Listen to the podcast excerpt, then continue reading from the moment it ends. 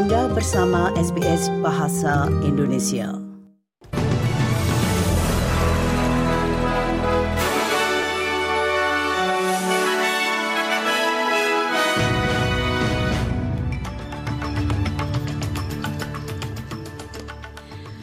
Warta berita SBS audio untuk hari Rabu tanggal 16 Agustus.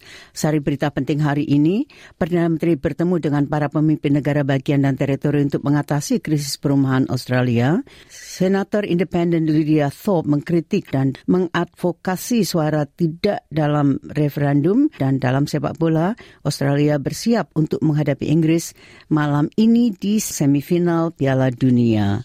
Berita selengkapnya. Senator Independen Lydia Thorpe mengkritik suara pribumi di parlemen mengatakan itu tidak mengakhiri dominasi tetapi menegaskannya. Senator Thorpe, seorang perempuan Gunai Gundi Cemara, Jeb Wurung, mengadvokasi suara tidak dalam referendum yang akan datang terkait dengan badan penasihat yang diabadikan secara konstitusional. The voice is subordinate to the federal government, to the very system oppressing us since colonisation. The voice provo- proposal endorses the racist ideology that black people have to be governed by someone else.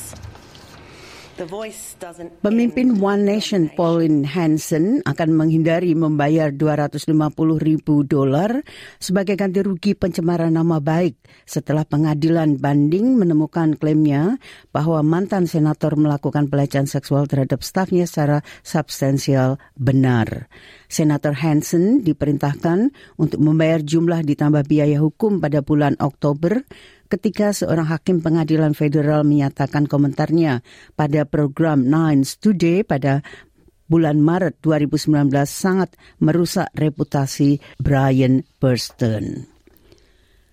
Australia dan negara bagian California, Amerika Serikat telah berjanji untuk bekerja sama memerangi perubahan iklim dan mendukung transisi dunia ke energi terbarukan. Nota kesepakatan tersebut menciptakan kerangka kerja untuk kerjasama dan aksi iklim dan perlindungan ekosistem termasuk melalui penciptaan pekerjaan yang bersih dan pertumbuhan ekonomi yang inklusif.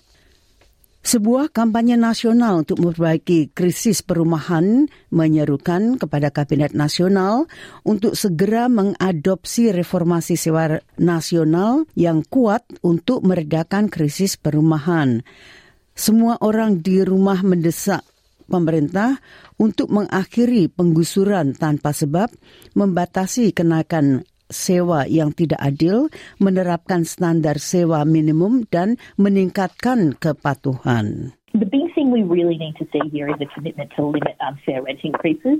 We've seen some noises for the cabinet meeting today that there might be a limit on how often landlords can raise the rent. That's not good enough and it's not the same thing as limiting the Menurut laporan yang dikeluarkan pada hari Selasa pagi, 15 Agustus, oleh Kepresidenan Republik Dominika, jumlah korban tewas setelah ledakan di dekat ibu kota Republik Dominika telah meningkat menjadi setidaknya 10 orang.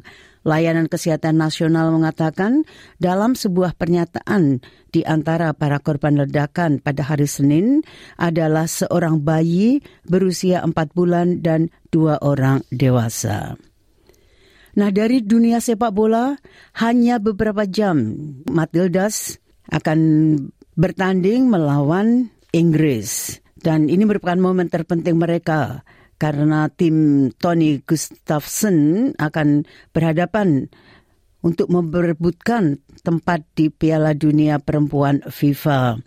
Kedua tim siap untuk memberikan segalanya di lapangan Sydney Olympic Park yang akan terisi penuh karena tiket terjual habis beberapa hari sebelum pertemuan krusial tersebut.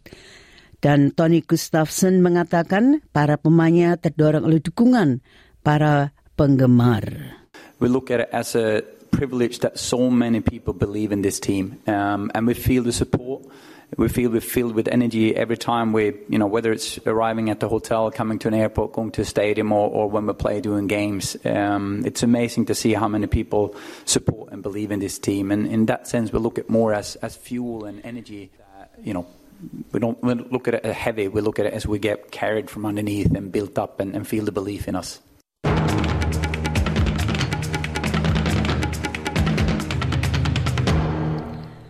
Nah sekali lagi sari berita penting hari ini Perdana Menteri bertemu dengan para pemimpin negara bagian dan teritori untuk mengatasi krisis perumahan Australia. Senator Independen Lydia Thorpe mengkritik dan mengadvokasi suara tidak dalam referendum dan dalam sepak bola Australia bersiap untuk menghadapi Inggris malam ini di semifinal Piala Dunia. Sekian warta berita SBS Audio untuk hari Rabu tanggal 16 Agustus.